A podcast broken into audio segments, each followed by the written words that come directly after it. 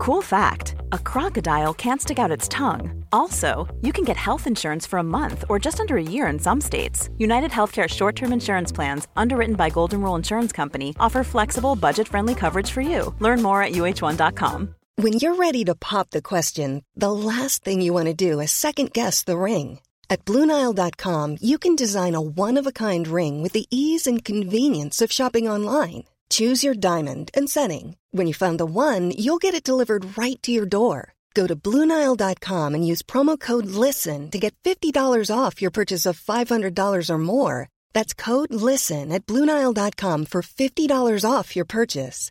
Bluenile.com code LISTEN.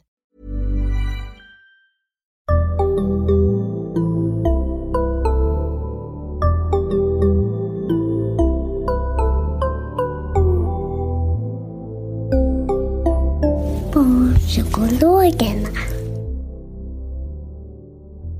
Välkomna till ett nytt avsnitt av Barnpsykologerna, en podcast med Liv Svirsky och Lars Klintvall. Idag ska vi tala om barn och skilsmässor. Eh, Och jag, Liv Svirsky, ska tala med vår gäst Malin Bergström om det här ämnet. Välkomna ni som lyssnar och välkommen Malin. Tack Liv. Du kan väl börja med att presentera dig. Eh, Jag är barnhälsovårdspsykolog i Stockholms län. Det betyder att jag jobbar med småbarn 0 till 5 år. Och sen är jag forskare på Karolinska institutet och på Stockholms universitet i ett projekt som heter Elvis som handlar om barn som bor väx-Elvis, det vill säga växelvis. Som vi har hållit på med sedan 2011. Och så har jag faktiskt precis skrivit en bok som kommer ut nu som heter Att skiljas med barn, föräldrar i två hem. Som är tänkt för föräldrar och sådana som jobbar med separerande föräldrar. Det visste inte jag. Har den kom, kommer den ut nu? nu? Mm, jag, hopp, jag bara väntar att jag i veckan ska få det första exet. Men då länkar vi till den eh, på vår Facebook så att ni som lyssnar kan läsa den också. Vad spännande. Mm, jättespännande. Eh, Jag tänker att det finns ju finns mycket saker som eh, föräldrar som står inför en separation funderar på och som diskuterar, man diskuterar och så.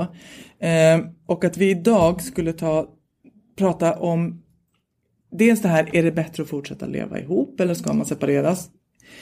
Hur talar man med barn om att man ska separera? Och det här som du är inne på då, växelvis. Hur ska man, hur ska man bo? Låter det som rimliga teman att börja med idag? Absolut. Om vi börjar med det då. Ska man fortsätta leva ihop eller ska man separera? Alltså det där är ju en sån sjukt teoretisk fråga. Man kan säga så här att eh, om man går till forskningen så kan man säga att nej, att hålla ihop för barnens skull är generellt sett inte att föredra. Om vi går till forskningen på stora grupper barn så mår de sämre av att leva i ett hem där det inte finns en positiv stämning, en positiv dynamik och så vidare liksom, än att bo med föräldrar på två håll. Eh, så kan man säga. Sen kan man också säga att om jag lever i en riktigt dålig relation där du till exempel hotar mig eller utsätter mig, liksom, kränker mig på olika sätt, eh, så är det extremt svårt att lämna en sån relation därför att det finns en ökad risk för att du blir ännu värre till exempel. Och så. Så det, I verkligheten så funkar det ju inte så. Min erfarenhet är att föräldrar håller ihop in i kaklet. Därför att vi har så himla mycket föreställningar om att det här är bäst för barn, att vi vill det är en massa förluster både för oss själva som vuxna och för våra barn med en separation. Och när jag är lite låg själv så känner inte jag att det finns en sån där extrem kraft att liksom nu ska jag börja det här nya härliga livet liksom. Utan jag känner mig snarare rädd och orkeslös och maktlös och så. Så det är inte... Ibland kan jag känna att vår forskning inte gagnar folk liksom. Det, den är en enskild förälder eller så. Därför att man kan inte, jag kan inte skilja mig därför att jag tror att det på sikt skulle vara bra för barn. Utan jag skiljer mig därför att jag inte, jag har kommit till vägs ände i en relation. Jag har försökt det jag behövde försöka och nu går det inte längre. Och till det så kan man väl koppla alltså det, vad som är viktigt för barn när vi separerar med hela den omställningen och den krisen som det ändå innebär för oss, både vuxna och barn.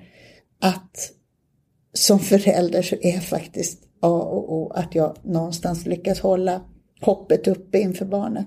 Om att nu går vi igenom helvetet tillsammans. Jag vet att det är tungt för dig, det är tungt för mig, alla är ledsna, ingen orkar det de borde. Men där framme, jag ska se till att vi ska dit. Jag ska liksom bära dig. Det känns inte som det nu kanske, för det är tungt.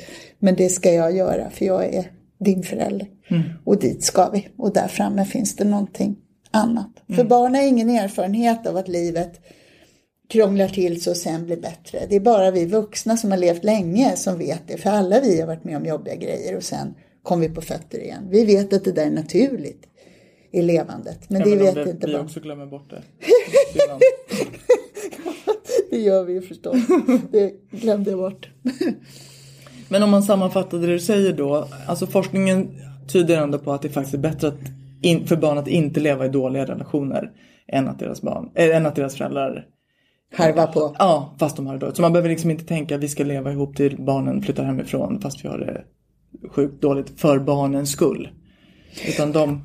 Jag vet inte om jag ska, ja men så är det, du sammanfattar riktigt. Å andra sidan så tänker man inte så som, eller så tänker man kanske så som förälder, men i den tanken så har jag också då vägt in en massa saker som jag är rädd för. Mm. Därför att jag förlorar så otroligt mycket om jag separerar. Så kan jag liksom bita ihop och stå ut med det här så eh, får jag ändå behålla mycket. Alltså det är otroligt att 50 000 unga per år är med om att föräldrarna separerar. Det är en så vanlig kris. Du och jag behöver bara kolla bland våra polare mm. så ser man hur himla vanligt det här är. Och ändå så är det en kris. Mm. Liksom. Bara för att det är vanligt så är det inte lätt. Och bara för att kvinnor idag kan försörja sig själva och att vi ändå har en lagstiftning kring separationer som är rimlig i Sverige i stora drag jämfört med andra länder och så mm. vidare. Så är det ändå svårt. Mm. Att... 50 000 per år, det är en otroligt stor summa ju. Ja. En siffra. Alltså det är ju... Och det den ackumuleras ju då. Jag, menar, jag tänker att så här, ja, hur många är det som går igenom så det här? Under... man säger vid 18 år så kan man säga 30-35 procent av 18-åringarna har varit med om en föräldraseparation. Mm. Och en mindre andel av barnen som är små förstås, de har inte föräldrarna hunnit skilja sig. Mm.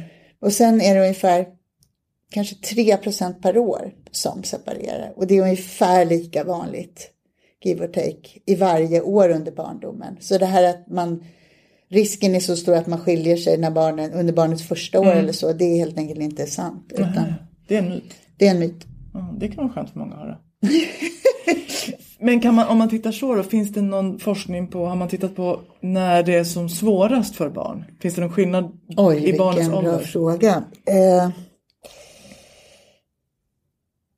nej du, jag försöker tänka på våra studier, för vi studerar barn i olika åldrar och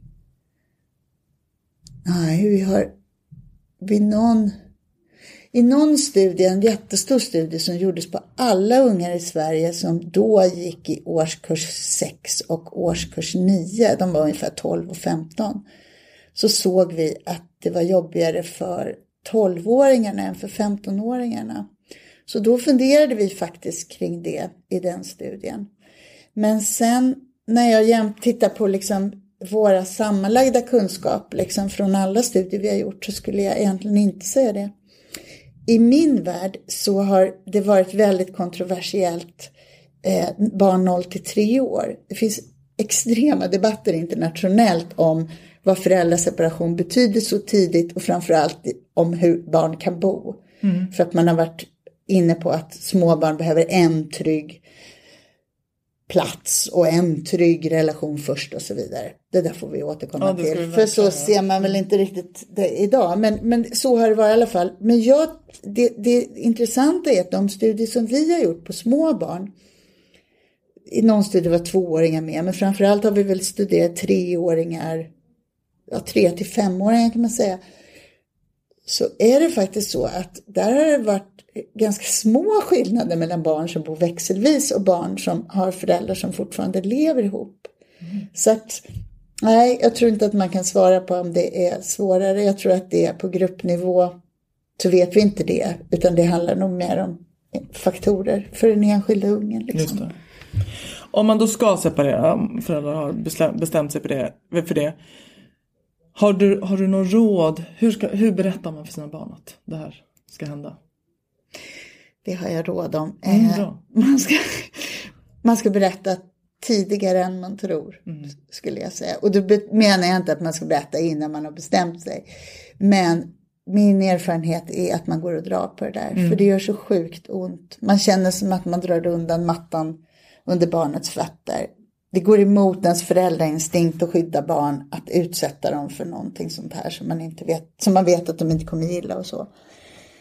Och jag vet inte hur mycket föräldrar jag har träffat som säger att ja, men hon måste bara få fylla år först, eller vi ska bara fira den här julen. Och, alltså våra ursäkter är oändliga. Och jag tycker att när vi skjuter upp det så lämnar vi faktiskt barnet ensamt. Vi gör Barn känner på sig grejer, även riktigt små barn är ganska bra på att läsa känslostämningar.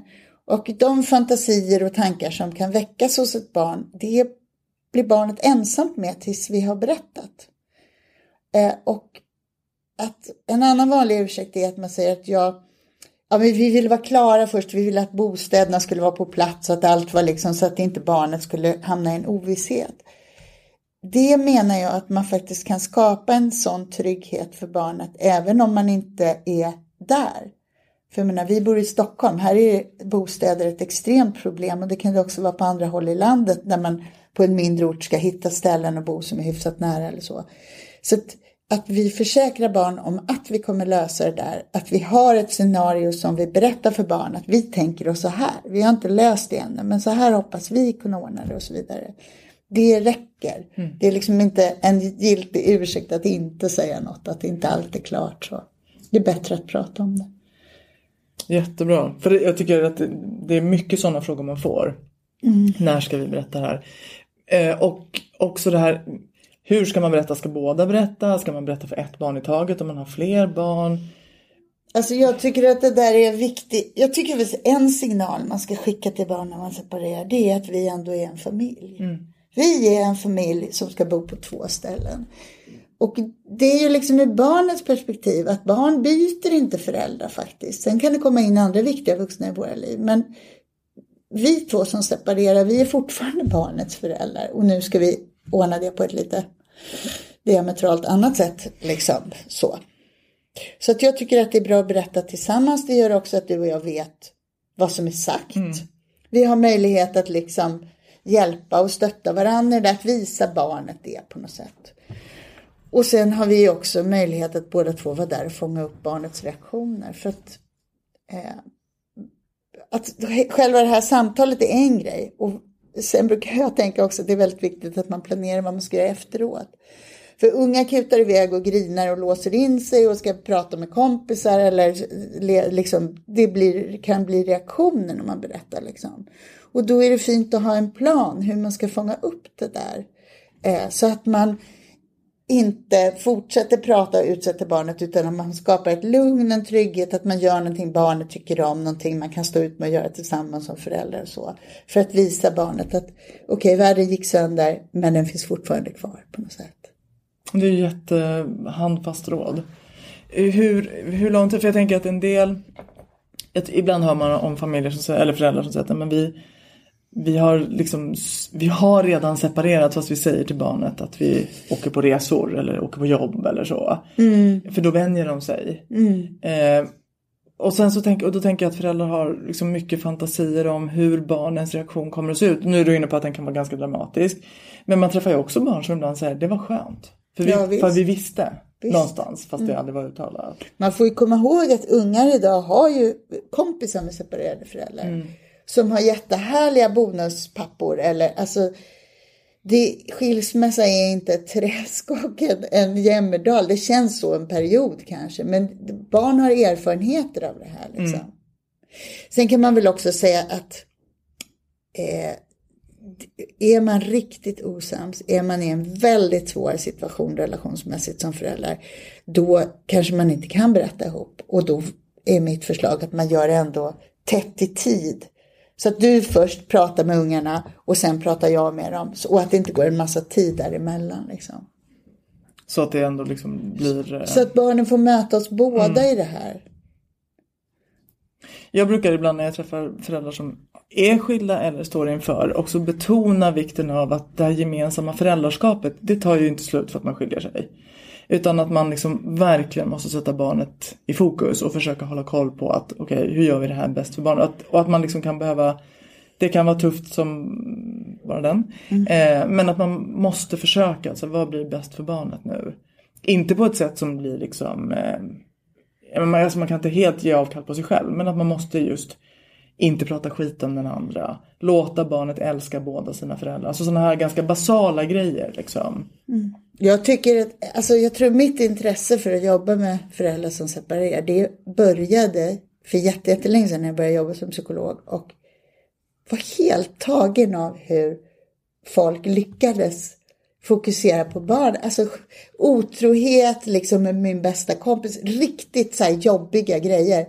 Och så träffar man föräldrar som ändå är så här, det här ska vi bara klara mm. för att vi älskar den här mm. ungen båda två. Det, det tycker jag har varit en sån extrem lärdom och något så sjukt hoppfullt och fint. Mm, verkligen, jättefint. Och, men sen tycker jag att det har varit lite dåligt så här, man, hur gör man det där då? Alltså vad betyder en bra relation? Måste du och jag ses och kramas? Mm. Eller räcker det att vi har koll på varsitt håll och när ska vi Sådär. Det tycker jag, det var därför jag skrev den där boken, för jag tänkte att det där kan man verkligen spalta upp, för vi vet ändå en del, hel del om vad vet vi då? Berätta.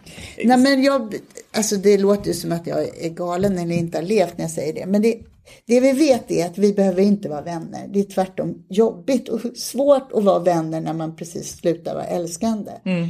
Men det man behöver hitta är någon slags kontakt som är, eller en kommunikation som är neutral.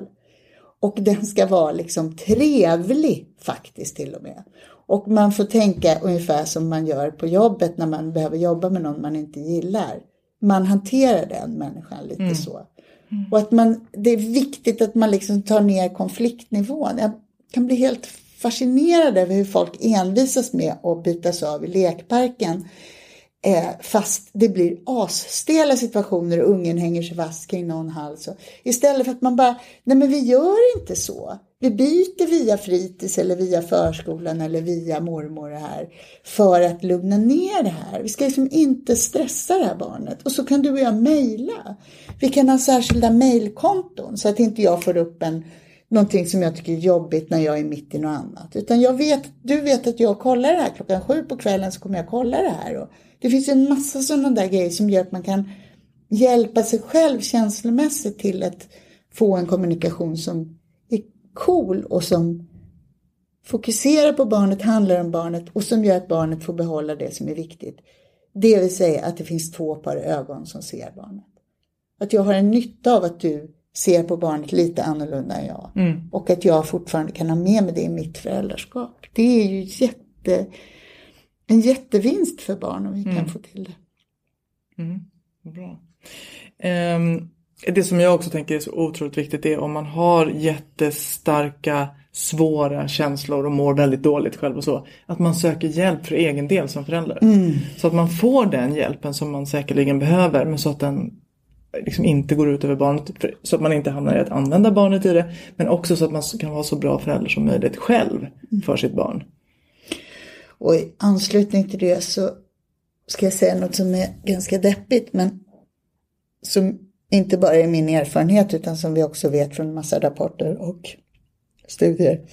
Att om jag har ett barn som far illa och som eh, inte mår bra efter en separation och så, då kommer jag som förälder att behöva slåss för att min unge ska få hjälp, för att min unge ska bli hörd.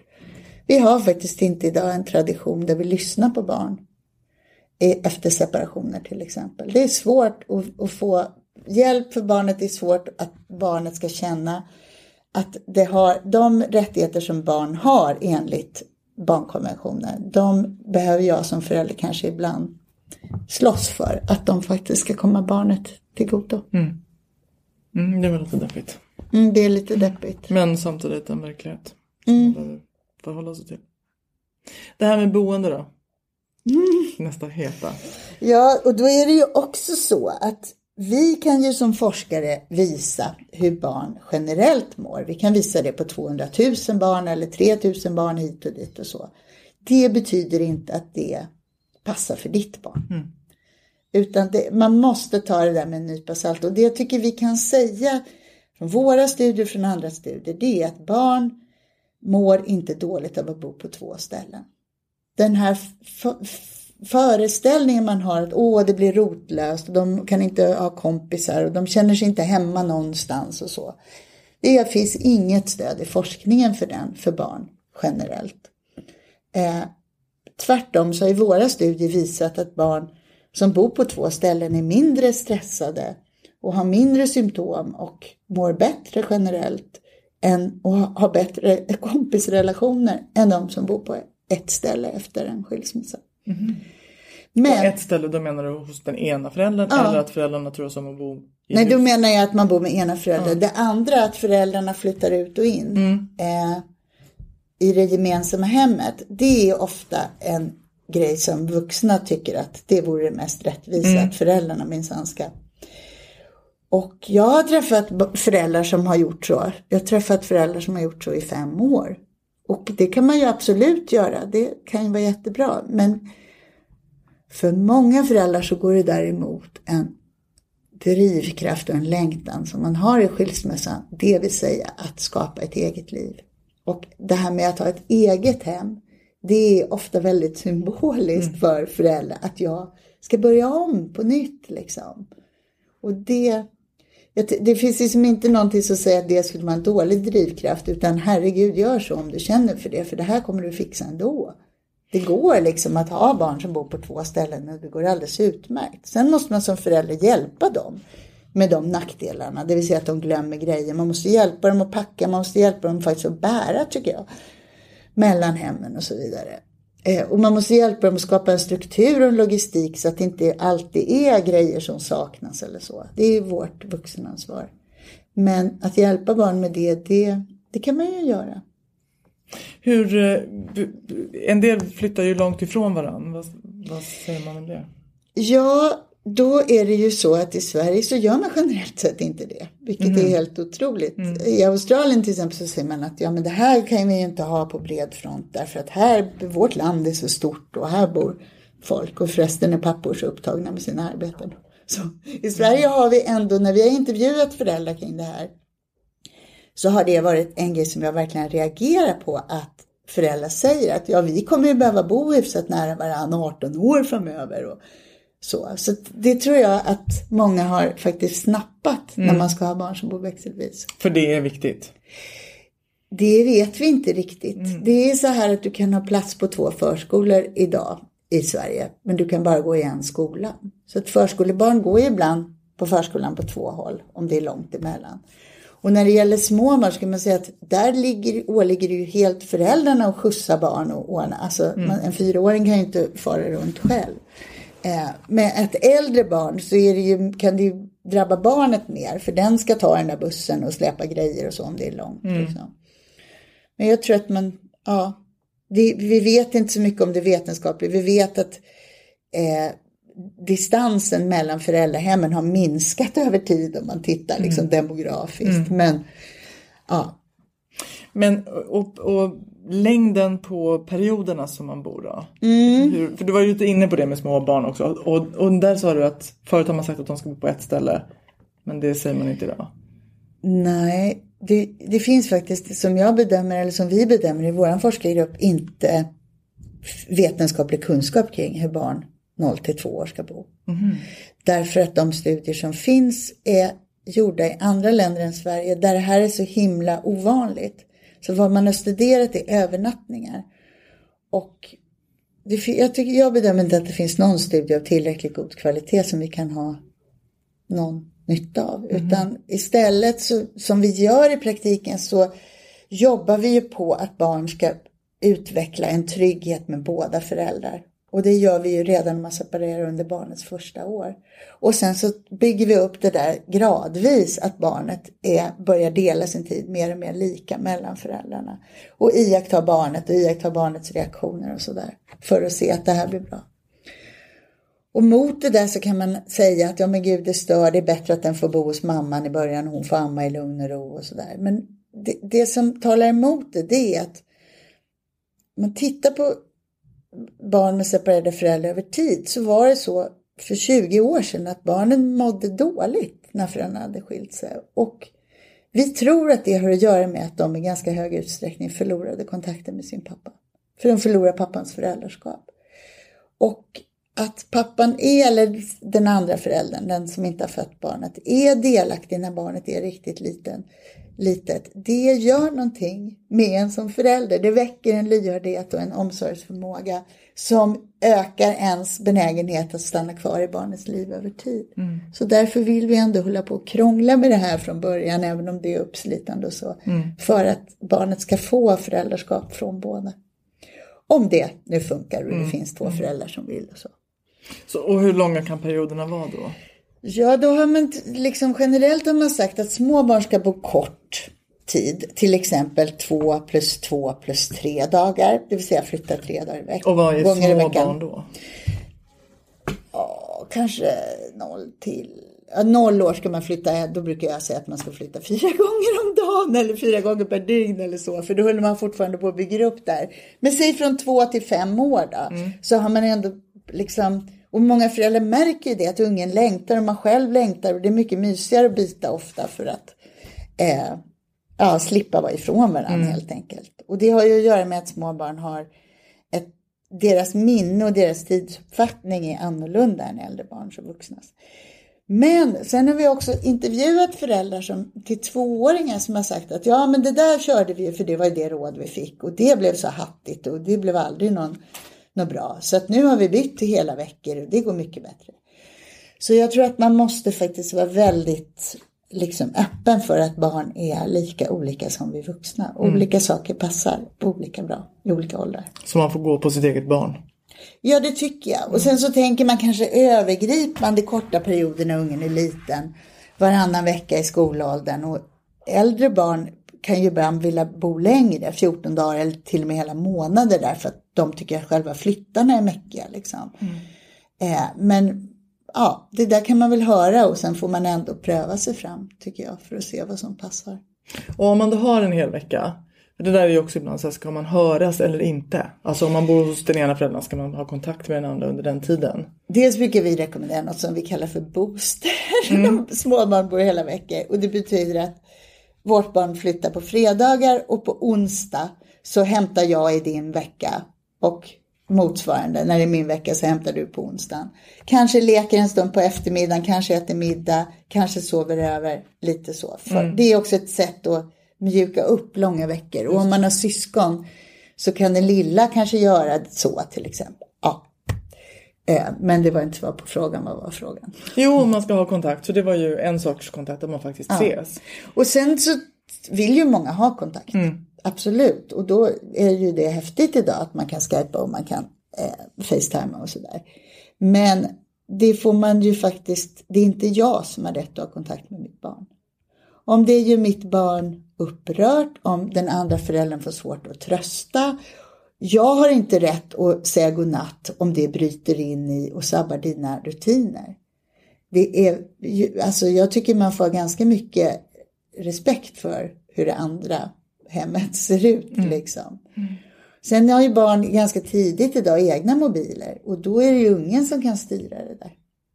Så det, det, ska vara på barnets mm. villkor. Mm. Du och jag har ingen rätt utan det är barnet som har rätt. Men det låter ju faktiskt ganska genomgående som att det mesta ska vara på barnets villkor. Och alltså och då menar jag inte bara på barnets villkor utan också, man får också anpassa efter sitt barn. Alltså det finns studier på gruppnivå, vi kan se vad som är bra för många. Men som förälder som står inför den här situationen så behöver man ha koll på sitt eget barn och sina egna förutsättningar. Mm. Vi kan inte byta hela tiden eller vi kan inte lösa boendet. Såklart, så. så är ju verkligheten. Ja. Barn är ju gjorda för att passa in i en verklighet. Det är ju inte så att allt måste vara på deras villkor. Nej. Utan det vi får försöka hitta någon balans mellan det där. Sen är det ju också så att en del ungar raderar ut den ur sitt medvetande när de inte bor med mm. Och det får man vara beredd på. Det finns barn som inte ser en, som inte hälsar och man dyker upp i fel vecka. Och som inte liksom, de kommer inte ens nära telefonen om man ringer. Och det där är barns sätt att hantera sitt liv. Mm. Och det måste vi respektera. Mm. Det skär igen och Det känns väldigt konstigt men det får man ändå ha respekt för. Det, jag tänker att det är någon slags coping liksom hos barnet. Alltså ett sätt att hantera mm. någonting som ändå är lite jobbigt. Det är jobbigt att vara ifrån varandra. Mm. Eh, och man kan gärna som förälder säga något om det när barnet kommer på fredagen och säger jag såg dig när vi var i affären mm. samtidigt och då såg jag att du tänkte på något annat. Men alltså att man ändå bekräftar det där. Och visar och, att det är okej okay också på något sätt. Precis, då. och det behöver inte bara vara småbarn utan det där kan skolbarn och mm. tonåringar också ägna sig åt. Mm. Blanka. Eh, det börjar, vår tid börjar rinna ut eh, och ett ämne som vi inte har berört nu är ju bonusfamiljen så vi gör ett eget avsnitt om det. Så mm. ni som lyssnar, det kommer ett avsnitt med Malin om bonusfamiljen. Får jag bara säga en sak Liv? För ja. det var en grej om våra studier som jag kände att jag glömde bort. Och det är så att vi har sett att barn som bor växelvis på gruppnivå verkar ha mindre problem än de som bor med en förälder efter en separation. Men det kan faktiskt bero på, inte att växelvis boende är så himla underbart, utan det kan faktiskt bero på att barn som bara bor med en förälder gör det därför att den andra föräldern är sjuk, har ett missbruk eller har liksom ett sviktande föräldraskap på olika sätt. Eller att relationen mellan föräldrarna är så helvetisk så att man helt enkelt har bedömt att det går inte att, att samarbeta. Mm. Och då kan det ju vara det som gör att barnet mår dåligt. Så jag vill bara säga det att har du nu som lyssnar en unge som bor hos dig på heltid så kan det gå alldeles utmärkt för de allra flesta barn så gör det det. Bra tillägg. Är det något mer du vill säga? Nej, nu. Bra. Malin, tack för att du berättade. Eh, jätteintressant och lärorikt tänker jag. Så tydligt. För jag tror att det här är något som många funderar på och vill ha lite vägledning i. Mm. Och din bok blir ju en, ett eh, sett till att förkovra sig i det här ämnet. Mm, och som sagt, vi lägger ut det. Mm. Tack för att du var med Malin. Tack. Och tack till er som lyssnar. Eh, det kommer ett nytt avsnitt snart och till dess kan ni följa oss på Barnpsykologerna på Facebook eller på Instagram där vi heter Barnpsykologerna understreckare podd. Och inte eller på Instagram och på Instagram förstås. Eh, bra, tack för idag. Hej då.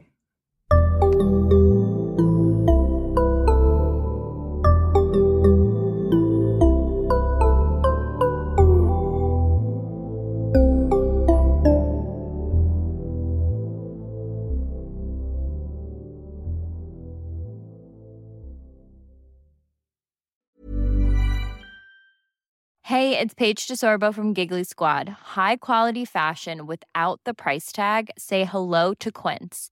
I'm snagging high-end essentials like cozy cashmere sweaters, sleek leather jackets, fine jewelry, and so much more. With Quince being 50 to 80% less than similar brands.